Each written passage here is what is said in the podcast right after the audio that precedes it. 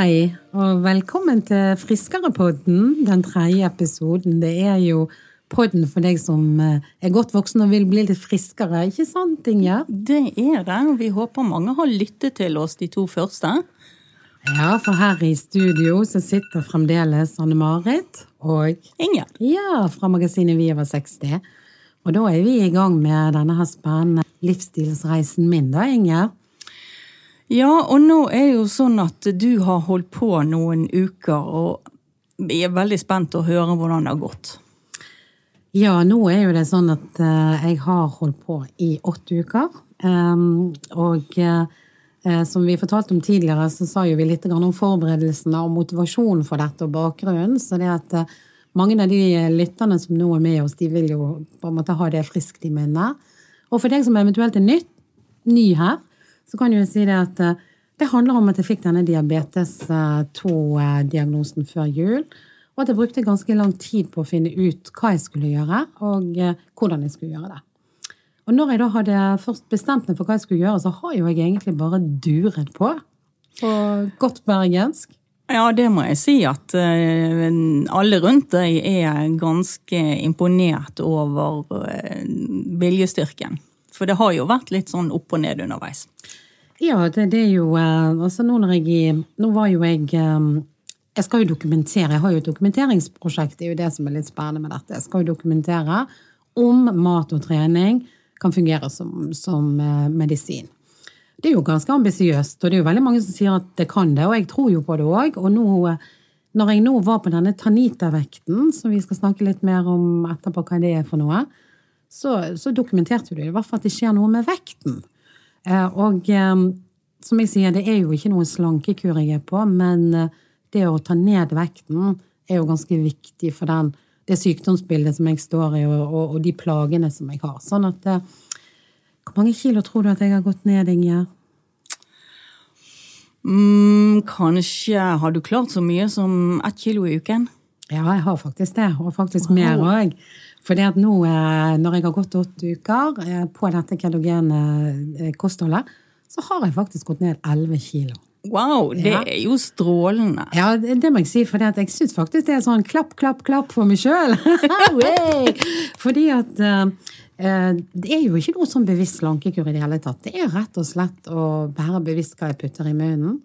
Eh, og eh, sammen med det og være bevisst hva man putter i munnen, og trene litt mer, altså sette to ting i system, så blir det dette resultatet. Det mm. syns jeg er utrolig gøy at det kan være med det fokuset. Så gevinsten og bonusen er jo egentlig det at vekten går ned, og at folk kommenterer 'wow'. Du ser så frisk ut. Og folk sier jo ikke det. Jeg ser at du har gått ned veldig mange kilo. Vi er jo litt forsiktige med det, da. og det er heller ikke sånn at å, sånn, å du var så tjukk før, og du nå er du blitt slag. Altså, altså, jeg merker jo det at det er ikke den tilnærmingen folk har. men det er jo mange som kommenterer at du ser så fresh ut, og du ser flott ut, og sånne ting. Så, og, og, det er jo veldig hyggelig sånn motivasjon på veien, da. Så, så vi skal ikke undervurdere betydningen ut av akkurat det å gå på denne vekten. For det at det er jo en, en, eh, medisinsk vekt som på en måte sier mer enn bare vekten. Du kjenner jo til det. Ja, hva mer? Forklar litt hva mer han viser enn bare vekten din. Altså, Jeg fikk jo beskjed av Sofie Hekseberg at jeg måtte ha tilgang på en sånn vekt eh, for å kunne dokumentere, i tillegg til at jeg skal dokumentere gjennom blodprøver som hun analyserer. Eh, og da er det en sånn helseklinikk da, som jeg går en gang i måneden. Eh, da, det, den helseklinikken har denne eh, vekten stående der hos seg. Jeg tar av meg litt klær og står barbeint, og så stiller jeg meg opp på denne vekten. Og så kjører du inn eh, tall, hvor høy du er, eh, hvor gammel du er, at du er kvinne, eh, slags type kroppsbygningsmasse eh, du har.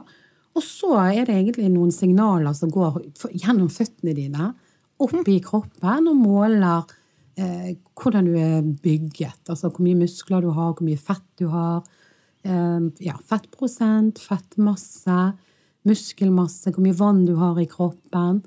Eh, så du får egentlig ut en, en lapp der det står veldig sirlig alle, alle tall.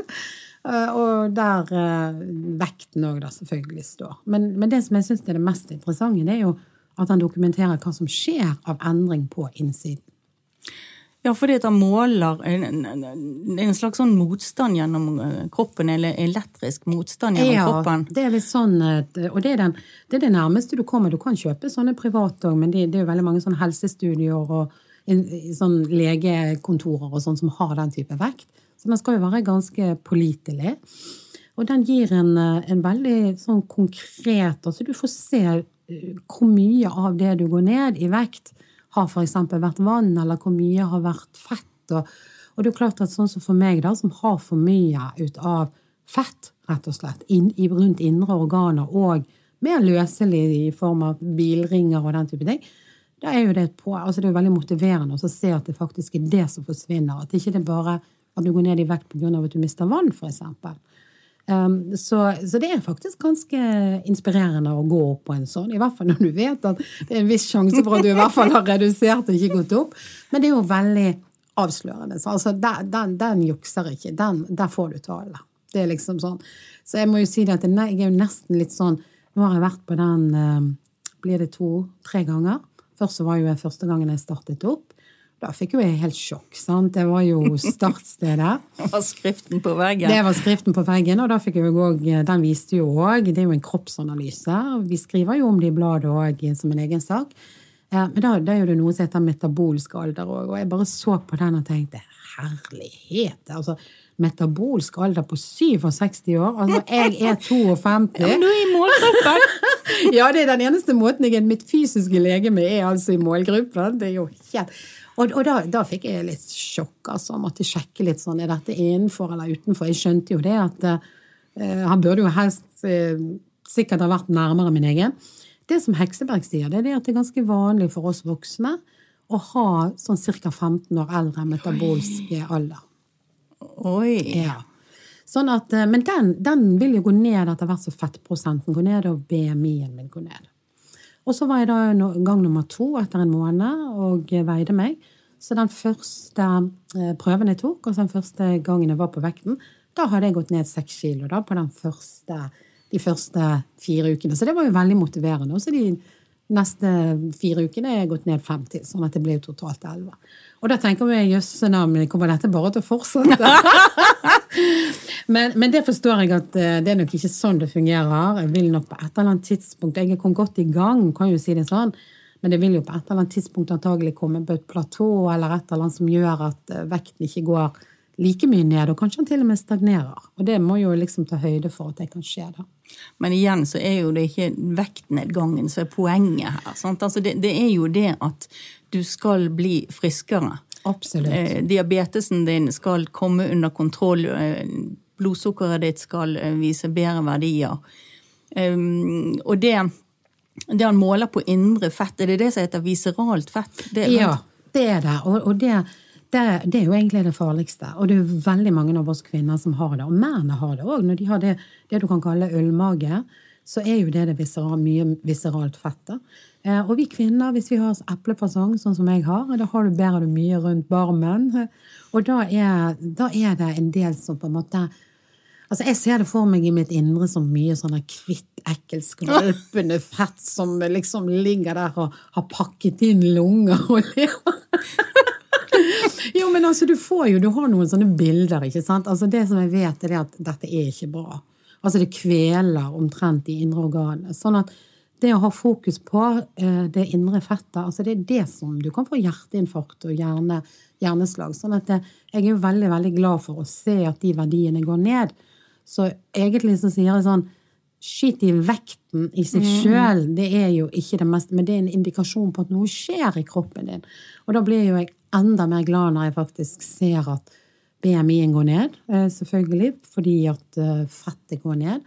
Og det er mye fettmasse som forsvinner. Så av disse 11 kiloene som jeg har gått ned, så er det sånn 8-9 kilo som er sånn rent fett. Og da har jo jeg òg et bilde i hodet på du vet sånne halvkilopakker med smør. Sånn. Ja. Godt meierismør, for eksempel, du ser i butikken.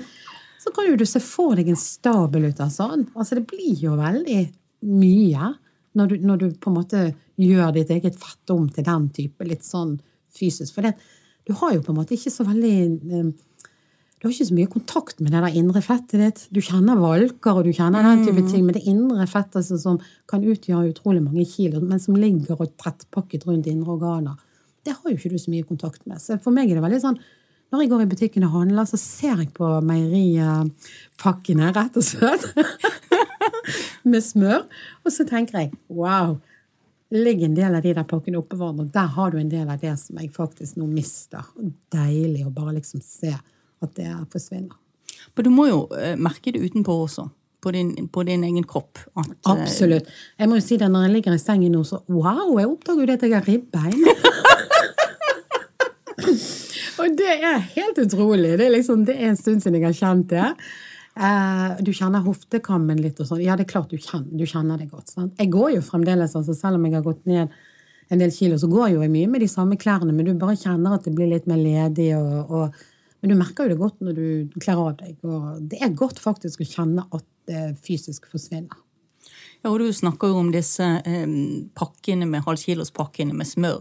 Og jeg tenker jo på, Hvis du hadde tatt eh, de 11 kiloene oppi en ryggsekk og lagt den på ryggen din, så ville du også fått et bilde av hvor mye du drar rundt på. Ja, og, og, og det syns jeg eh, Det å lage seg disse bildene sant, syns jeg er litt interessant. fordi at eh, hvis du tenker på hva du utsetter kroppen for med å gå rundt og bære, altså alt fra onde knær for eksempel, til ja, hjertet som skal pumpe, sant? og må slåss om plassen fordi at du har for mye innvendig fett, eksempel. Um, så jeg, altså det å lage seg denne litt sånn metaforiske bilder, det, det hjelper ganske godt for meg. Fordi at det ikke sånn, altså Egentlig er det sånn at når jeg ser meg sjøl i speilet, så syns jeg jeg ser akkurat lik ut som jeg eh, har gjort. Så jeg ser ikke med mitt blotte øye eh, kiloene forsvinne. Og det tror jeg er kanskje litt av mekanismen. Ja, det tror jeg, og det, det vet vi jo at uh, når du Altså, du omgis jo din egen person hele tiden. Ja, ja. Du ser deg sjøl i speilet, og endringene skjer jo ikke sånn over natten. Nei, men, men hadde du sett deg sjøl i speilet for, for, åtte uker siden og nå, så tror jeg nok du ville sett forandringen. Ja, sikkert, men, men det er jo rart òg, sant. Hva er det vi ser i vårt eget selvbilde? Altså, jeg så jo egentlig ikke at jeg ble større og større. Nei, der har du det motsatte. Ja, og, og skal jeg, hvordan skal jeg nå klare å se at jeg blir mindre og mindre? Jeg, jeg, jeg, ser det faktisk antagelig ikke så godt som andre rundt meg vil gjøre og gjør. Eh, og det tror jeg er noe med hva slags bilde vi har av oss sjøl i hodet òg. For jeg har jo egentlig alltid aldri tenkt at jeg har vært sånn sinnssykt overvektig. Altså sånn fedmegrad to, liksom. Sånn hallo, er det noen andre som har stått på den vekten? men, men, det er jo sånn, hvilket blikk har du på deg sjøl? Sånn? Og, og, eh, og, jeg merker det at det, det, endrer seg ikke så veldig nå, men jeg kan kjenne som du sier, så jeg kjenner på kroppen min sjøl. Min kjæreste kommenterer det og kjenner det på kroppen. Jeg merker det på størrelser. altså Når du skal kjøpe deg et plagg, så har jeg gått ned et par størrelser allerede. Så det er jo klart at den type ting merker du det på. Men, men det er nok eh, det er nok sånn at eh, det er lettere for andre å registrere endringene. Men det som jeg syns er det gøye, Ingjerd, vet du hva det er? Nei, hva da? Det er faktisk det at jeg føler meg mye friskere. Ja. Og det er jo det vi må ha fokuset på. For det at jeg kjenner jo det at det er veldig mye bedre å være meg. Det er rett og slett eh, mye mindre plager i tarmer og mage, og mindre oppblåst sant, i hele kroppen. Mindre ja, Så jeg bare kjenner det mer behagelig å bo i denne kroppen. Du tar jo også en del andre prøver. Mm. Du tar en del blodprøver. Ja. Som også viser ja. noen resultater. Ja, og, og i, neste, i, neste, episode så skal vi snakke litt mer om akkurat dette her mm. med blodprøver, for det er jo et eget stort, uh, stort tema som jeg uh, anbefaler alle å gjøre hvis de vil gå litt sånn skikkelig til verks og finne ut om sin egen helse. Eh, for jeg tok jo blodprøver før jeg startet dette prosjektet. Og eh, i slutten av april så skal jeg ta en ny runde. Da har det gått tre måneder. Og etter alle solemerker så skal jo det kunne leses ut av blodverdiene mine. Så det gleder jeg meg faktisk veldig til. Og da vil jeg ha en gjennomgang av, eh, av Sofie Hekseberg på dette. Sånn at, så jeg har ikke tatt mye blodprøver siden oppstart, men skal gjøre det. Men det jeg måtte gjøre, det var jo å ta en leverprøve en MR ut av leveren min. Ja, Hvorfor måtte du det? Nei, fordi at eh, Blodprøvene viste jo faktisk at eh, de var altfor høye. Og de var faktisk så høye at eh, eh, Hekseberg tok kontakt med fastlegen min. Eh, det var litt sånn alarmerende. Sånn veldig, veldig, veldig høye leverprøver. Og jeg skjønte ikke så mye ut av det, og egentlig ikke fastlegen min heller, for jeg har ikke hatt det tidligere. Men eh, Hekseberg sendte meg da rett til Unilab, og jeg skulle jo egentlig ta ultralyd. Og så um, sa hun fra Unilab at nei, når du er over 50, så tar vi ikke den type undersøkelser på ultralyd. Nei, fordi Fordi at du har rett og slett for mye fett. Åh, Ultralyd kommer på en måte ikke gjennom. Du får ikke skikkelige resultater. det bare sånn Ok, greit. Altså, det var sånn generelt. Det gjaldt ikke sånn spesifikt. Hun sa dette til meg på telefon. Men sånn, når du var over 50, så viste det seg at det var vanskelig å ta innvolls, altså bilder ut av innvollet med ultralyd. Så jeg måtte på en MR. du har jo fått en del eh, si, tøffe beskjeder underveis. Litt sånn uforutsett. Men, Ja. men du var på MR, og har du fått vite resultatene av det? Ja, vet du hva, det fikk jeg faktisk vite i dag. Oi! Ja, så jeg, for jeg har hatt en konsultasjon med Hekseberg i dag.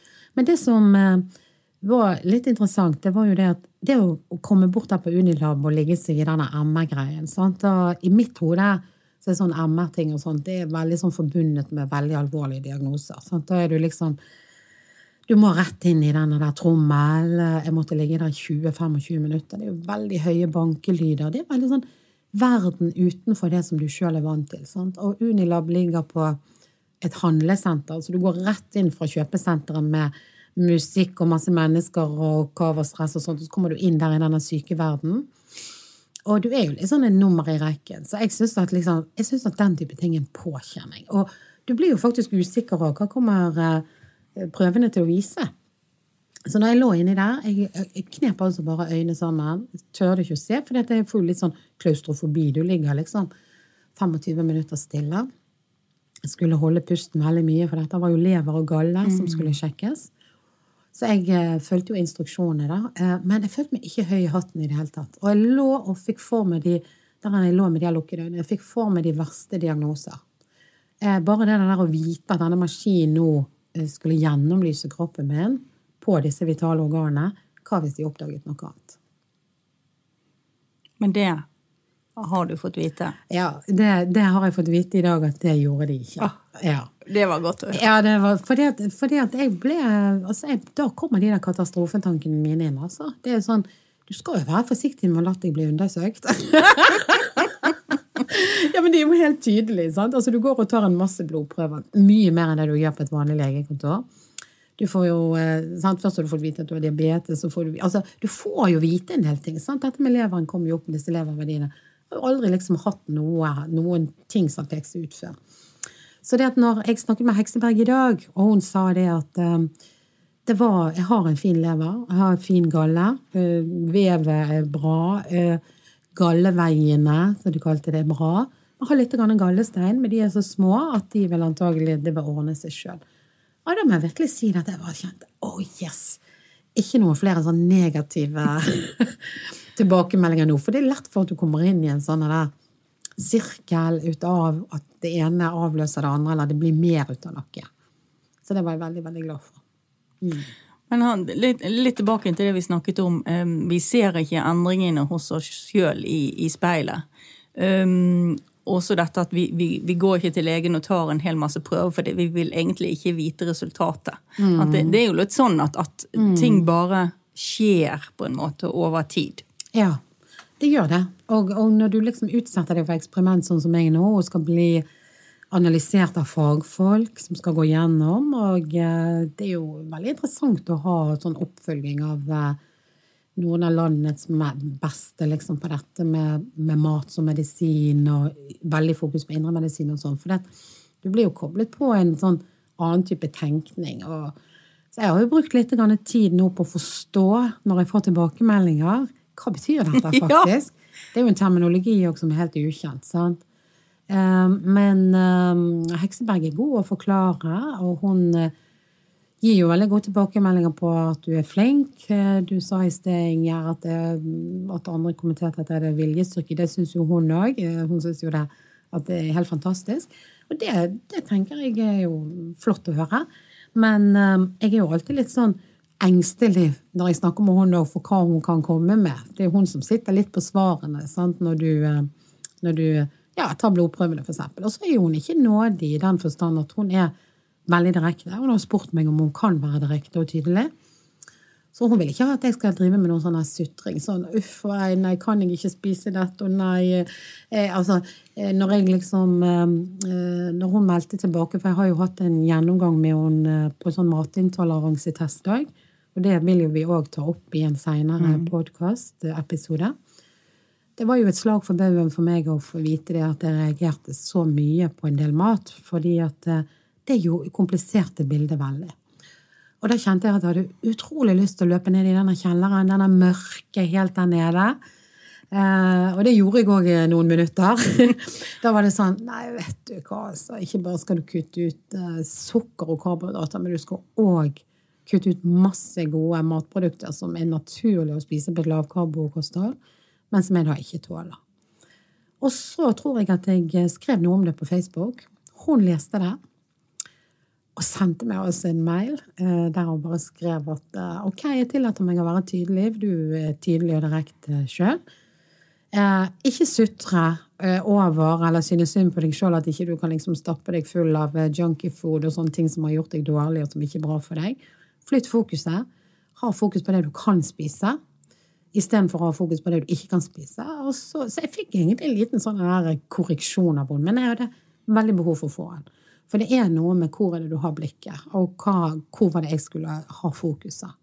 Og vi skal jo snakke en del mer om dette her etter hvert. Ja, for vi er jo begge veldig opptatt av dette med sammenhengen mellom eh, kropp og sinn. Altså det vi tenker, det har noe å gjøre med hvordan vi Vår atferd. Absolutt. De beslutningene vi tar. Absolutt. Og jeg tenker det at um, det å nå fokusere på eh, å måle de tingene som eh, eh, jeg kan gjøre fra måned til måned, altså på den vekten, eh, som forteller at BMI-en går ned. Jeg går fra sånn veldig overvektig til mindre overvektig. og kanskje ender jeg opp der at det blir på helt på normal, det er jo det som er på en måte målet, regner med å holde ut. Og, eh, og det, men det å ha den type sånn måleinstrumenter er jo nytt. Jeg vil jo anbefale andre å gjøre det, for du blir mye mer sånn bevisst, og det går rett opp i hodet ditt. Wow, det er sånn virkeligheten er, ja. For det er jo lett å fortolke når du ser speilbildet, sånn, sånn som meg. Jeg har ikke sett at jeg har vært så stor eller blitt større og større. Eh, men en vekt sånn som det der, som på en måte gjennomlyser kroppen din, det er brutalt ærlig. Det er, her er det tallene. Det må du forholde deg til. Så tenker jeg samtidig, Det høres veldig fornuftig ut, det opplegget du har med at um, du veier og måler det ikke altfor ofte. Uh, for det tenker jeg, Bortsett fra at du måler selvfølgelig blodsukkeret ditt. Det er jo en del av regimet. Men det tenker jeg også en, en fordel, fordi at um, det er svingninger. Og det kan faktisk svinge fra, fra dag til dag og gjennom dagen. Ja. Og da er det noen som blir veldig fokusert på det. At oi, nå veier jeg 200 gram mm. mer enn jeg gjorde. Ja, jeg orker ikke ha det fokuset. Jeg, og jeg har sagt at det med vekten skal ikke være hovedfokus. Og det er det faktisk ikke for meg heller. Så, men jeg gleder jo meg til å gå på vekten for å se om det faktisk gir resultater på vekten òg. For når jeg ser at jeg har gått ned, så tror jo jeg det. At det henger sammen med at jeg har mistet fett. Og det er jo det som er på en måte sånn mine ambisjoner. For det, det å kvitte seg med en del av det kroppsfettet som på en måte har gjort meg syk, eller sykere, det er, jo, det er jo det som er på en måte litt mitt prosjekt her. Så, og det å se at det kostregimet som nå følger, og den litt økte aktiviteten, eh, at det gir resultater, det er jo ingenting som er gledelig. Så det håper jeg er motiverende for, for dere som lytter òg. At det faktisk eh, Det er ikke noe hokus pokus. Det går faktisk mye bedre. Det er mulig å gjennomføre. Eh, men ja, du må hente opp litt viljestyrke. Men jeg tror faktisk det at viljestyrken i stor grad handler om å ha bestemt seg. Og vi kommer jo òg i noen episoder nå fremover Ingjerd, til å snakke litt om dette med at uh, hvem er det du faktisk vil være? Hva er det du bestemmer deg for? Og så at du ser klart for deg hvor du vil, og at du tenker at dette er ikke bare et prosjekt som skal gå over, men dette er en endring, en varig endring. Og etter de åtte ukene, hvis vi skal oppsummere litt nå eh, og avrunde denne delen, så er jo det sånn at i de åtte ukene så merker jo jeg det at tenkningen min rundt mat er blitt helt annerledes. Jeg hadde ikke trodd det skulle ta så kort tid. Jeg har òg endret eh, handlevaner og spisevaner uten at jeg føler at det er veldig dramatisk. Eh, det har vært opp- og nedturer, og det kommer vi til å snakke mer om underveis. Men, men det er ikke så dramatisk at det ikke er mulig å gjennomføre. Så det er jo det gode, den gode nyheten. Og det er jo det som er det aller viktigste. Det må være mulig å gjennomføre, men så peker du samtidig på noe veldig viktig. Det er at det er ikke en sånn veldig rask vei til målet. Eh, det krever en del viljestyrke, mm. rett og slett. Ja. Det krever at du gjør aktive valg hele tiden. Og de valgene de må du på en måte stå ved. Det er mange mange fristelser hele tiden. Det er mange som velmenende vil tilby deg kakestykker. Det er mange som velmenende mener at du må jo belønne deg sjøl, du er jo så flink og alt dette. Det, det, er masse fristelser i alle butikker, altså på jobb, møter. Altså det kan være i alle mulige settinger. Du må ha tatt et valg. Det er det som er mitt budskap. Og stå ved det. Og du må ta valg hver dag. Om igjen og om igjen og om igjen. Det er akkurat det. Men det blir lettere, syns jeg, å, å, kunne høre. At um, det hjelper. Du kommer inn i nye vaner. Ja, det blir lettere. Og, og, det blir mer enn Det går fra å være et sånn prosjekt der du, altså, til å begynne med så må du bruke veldig mye energi, alt fokuserer på dette nye som skal skje. Men etter hvert så er jo ikke det så nytt lenger. Sant? Og da blir det mer akkurat så innarbeidet i livet ditt. Og, og når du får gode resultater, når du kjenner at du blir friskere, det er jo det som på en måte er, altså Det er hele motivasjonen for meg. Jeg bare kjenner at jeg får mindre plager, har det bedre med meg sjøl. Eh, jeg er ikke opptatt av å være noen sånn flink pike. Jeg hater det begrepet. Jeg er nok flink pike på så mange andre områder som må leveres på. Så dette er egentlig et veldig soloprosjekt for meg sjøl. Bare kjenne at kroppen eh, blir friskere, og, og, gjøre den så frisk som jeg kan. Og mitt bidrag er jo da dette med mat og litt trening. Og så får vi se hvordan det blir videre. Men jeg syns i hvert fall at jeg er godt i gang da, etter de åtte ukene. Ja, men det er du. Det kan jeg underskrive på. Ja.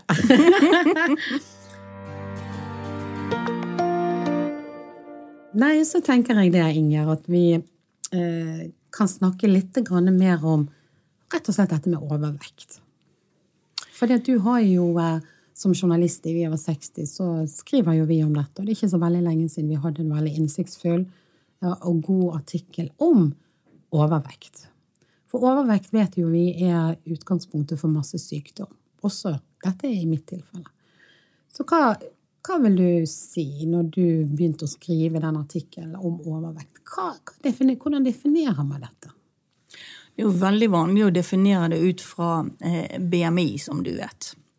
Eh, at du deler det inn i overvekt, BMI over 25 år, så, deler, og så kommer du til fedme, i, som er i tre grader, og da er du over 30 i BMI. Og så er det litt diskutert dette med å bruke de BMI-tallene. For um, det er jo litt avhengig av hvor mye muskler du har. Muskler veier mer enn fett. Uh, så det er ikke et sånt eksakt mål. Men det er et mål, og man kan i hvert fall se en utvikling i befolkningen. Og den, den uh, er ikke så positiv, for å si det sånn. Så det, det er riktig det at vi blir rett og slett tjukkere og tjukkere? Ja, sånn som uh, tallene ser ut. Der er en helseundersøkelse i uh, Trøndelag som har vært gjennomført uh, gjennom flere tiår, og den pågår faktisk fremdeles. Som, som viser en utvikling fra 80-tallet og til 90-tallet og inn på 2000-tallet.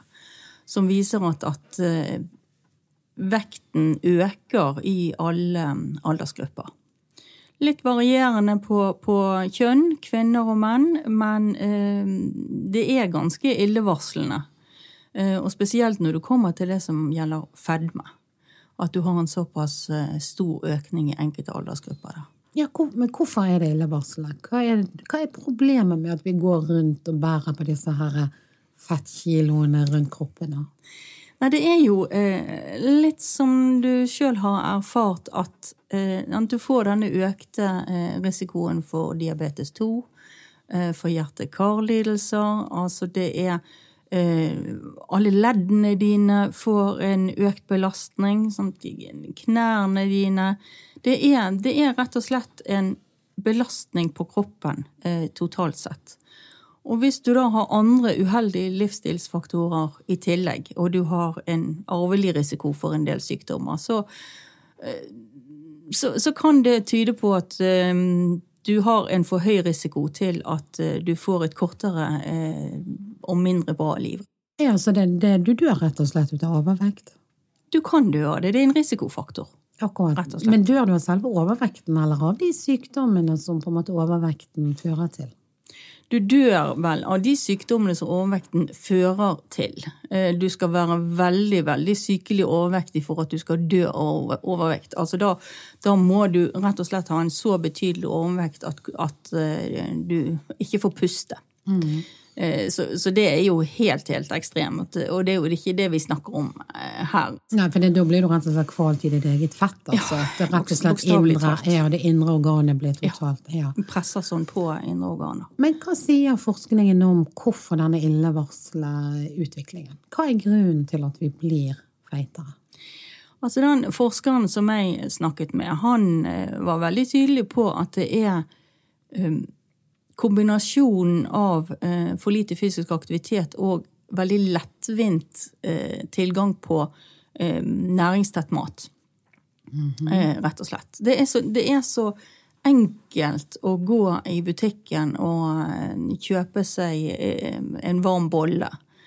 Eller drikke brus, eller spise store porsjoner i mat. Og det vil jo kanskje en del av eh, de som hører på oss, kjenne igjen fra 50-60-tallet. Altså hvordan porsjonsmengden har økt i forhold til det det var før.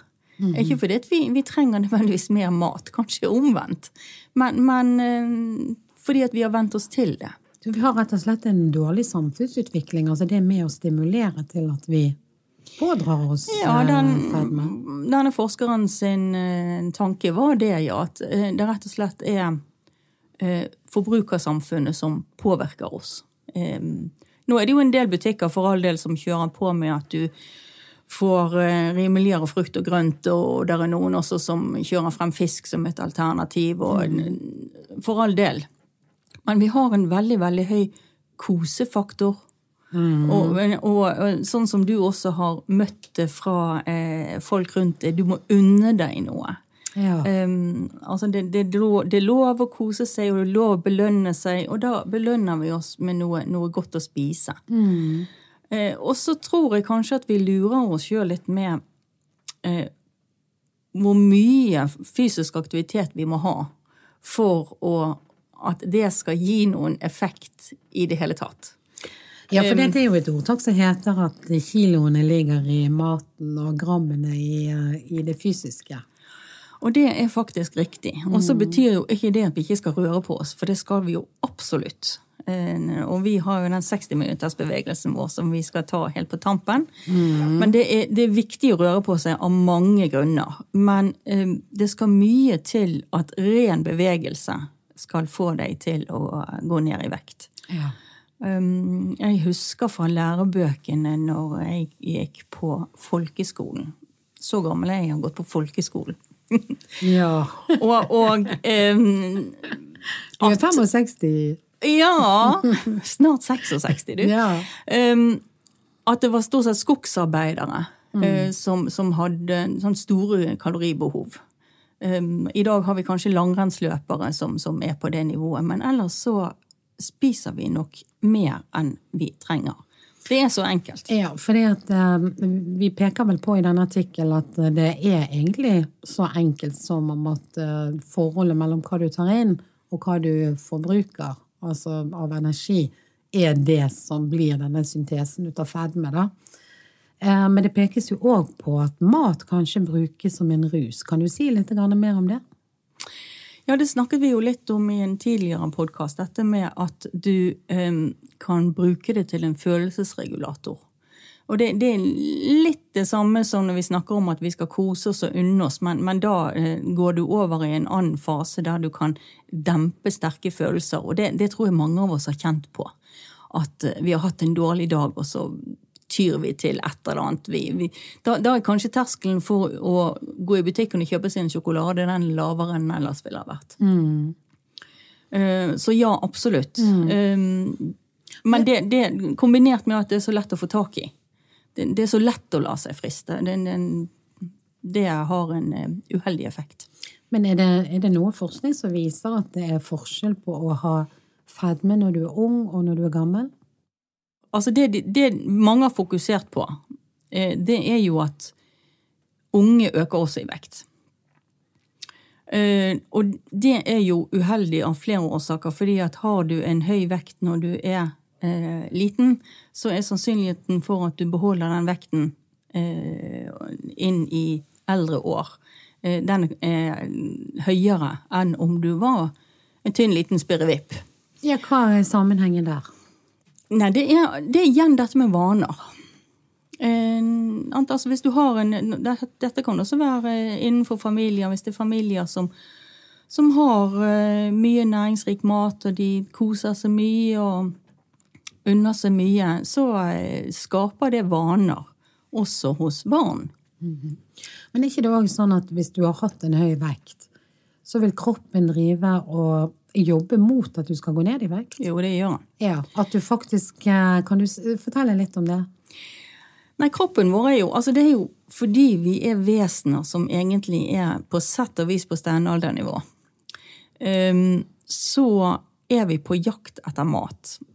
Det er det vi er skapt for. Uh, men nå jakter vi bare i hyllene på supermarkedet, og, og, det er jo mye enklere enn den andre jakten. Mm.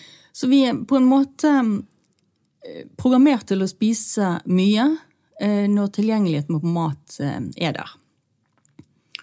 Men nå er tilgjengeligheten på mat der hele tiden. Ja, Og vi spiser for mye. Ja, Og mhm. så er kroppen sånn at når du har gått opp i vekt, så forbereder kroppen seg på at hvis du, hvis du da begynner å gå ned i vekt, så sier kroppen nei, nei, nei. nei.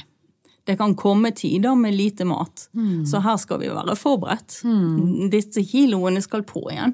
Ja. Da går og, han på sparebluss? Da går han på sparebluss. Ja. Eh, og tar vare. Og dette er jo en fornuftig strategi eh, fra gammelt av. Um, ikke like fornuftig nå. Nei. Men det er derfor mange som har drevet sånn jojo-slanking. Ja. De opplever at de går ned noen kilo, og så går de opp igjen de kiloene pluss litt til. Akkurat. Og det er jo veldig frustrerende når man er i en sånn man vil ligge om eh, livsstilen sin, gå ned. Og det å tro at liksom jobben er gjort og bare kunne gå tilbake igjen, nær sagt tilføre både de gamle matvarene og den samme energimengden, og tro at ikke det vil bidra til at man øker i vekt igjen, det er å lure seg sjøl. Fordi at kroppen vil korrigere seg, sant? det er det du sier. Ja, den vil søke etter å komme opp i noe den definerte som en slags matchvekt, eller noe sånt. Ja. Så kanskje ikke din uh, matchvekt. Nei, som, som, gjerne ligger høyere enn uh, ja. det som uh, Er trivselsvekten din? Ja, og det som, det som er, sunt for deg. Ja. Mm. Um, og det betyr at hvis du har gjort dette tilstrekkelig mange ganger, um, så må du leve på et lavere matinntak resten av livet enn om du hadde holdt en, en eh, jevn vekt eh, ut igjennom. Det, um, det, er ganske tankevekkende. Ja. Men, og det viser jo også en del oppfølging som de har for, på klinikker for overvektige. Det er at det går veldig fint så lenge de får tett oppfølging, men den oppfølgingen den må vare lenge. Og da snakker vi år. For at du skal få inn den totale livsstilsendringen. Så, så kortvar, nesten alle kortvarige slankekurer virker. Nesten hvor rart de er sammensatt, og hvor, hvor merkelige matvarer du spiser eller ikke spiser, så, så vil de virke, virke å gi en vektnedgang. Men på lang sikt så er det denne totale livsstilsomleggingen som eh, hjelper. Ja, og det er klart, det, det, det krever mer. Og nettopp det, fordi at kroppen nær som lever litt sånn sitt eget eh, liv, den rett og slett når det gjelder reguleringen av denne vekten. Så vi jobber egentlig litt mot vår egen kropp, det er jo det vi kan si når det gjelder uh, dette med overvekt og ja. fedme. Og da er det en, i hvert fall viktig, det som vi skal avslutte med nå, Ingjerd, det er i hvert fall viktig uansett for å holde både hodet ditt friskt og kroppen frisk og være litt i bevegelse. For det er tross alt så forbruker jo du energi ved å være. Og vi har jo fokus på det med hverdagstrimmen. Det har vi. Ja. gjennom 60-minuttersbevegelsen. Ja, hva er det egentlig for noe? Det er rett og slett Vi har satt i gang et uh, initiativ i Vi over 60. Um, der vi har etablert um, en lukket Facebook-gruppe som vi inviterer alle til å være med i. Og så kan de da legge ut små rapporter om sin hverdagsaktivitet, som er alt mulig fra å gå en tur i skogen til å trille på barnebarnet, her setter fantasien bare Det er bare fantasien som setter grenser. Ja, det er kjempekult. Vi er jo med der inne, selvfølgelig. Ja, det er vi. Så, ja, så vi oppfordrer jo folk. Vi legger ut bilder. Jeg var på togtur her forleden dag, fra Oslo til Bergen. Ja, Da så du viftet med anklene dine. Ja, det gjorde jeg. For det går faktisk an å gjøre små bevegelser. Sette i gang blodomløpet. Eh, sette i gang litt bindevev og muskulatur kan du gjøre fra et stolsete. Så det er jo den type sånn lavterskel vi snakker om. Så jeg oppfordrer egentlig bare alle som hører på, gå inn der, klikk deg inn på den 60-minuttersbevegelsen, og vær med og dele litt. På den måten så kan vi inspirere og motivere hverandre. Ja. Og så, før vi avslutter, ikke glem, folkens, at vi har eh, en Facebook-side som heter Bli friskere med Vi over 60. Og der legger jo vi ut små snutter flere ganger om dagen. Det kan være et tips om hva du kan spise, rett og slett som er sunt og godt og lavkarbo. Det kan være en god artikkel som vi har skrevet, eller som vi syns noen andre har skrevet godt, eh, som vi vil dele med dere. Og så hver søndag så skriver jeg om hvordan uken har vært. Så i tillegg til å høre litt om det her inne, så kan du lese for deg som liker å gjøre det. Og det finner du òg på viover60.no. Så da sier jeg bare vi gleder oss til neste uke, gjør ikke vi, Inger? Jo, det gjør vi. Takk for oss. Ha det fint så lenge.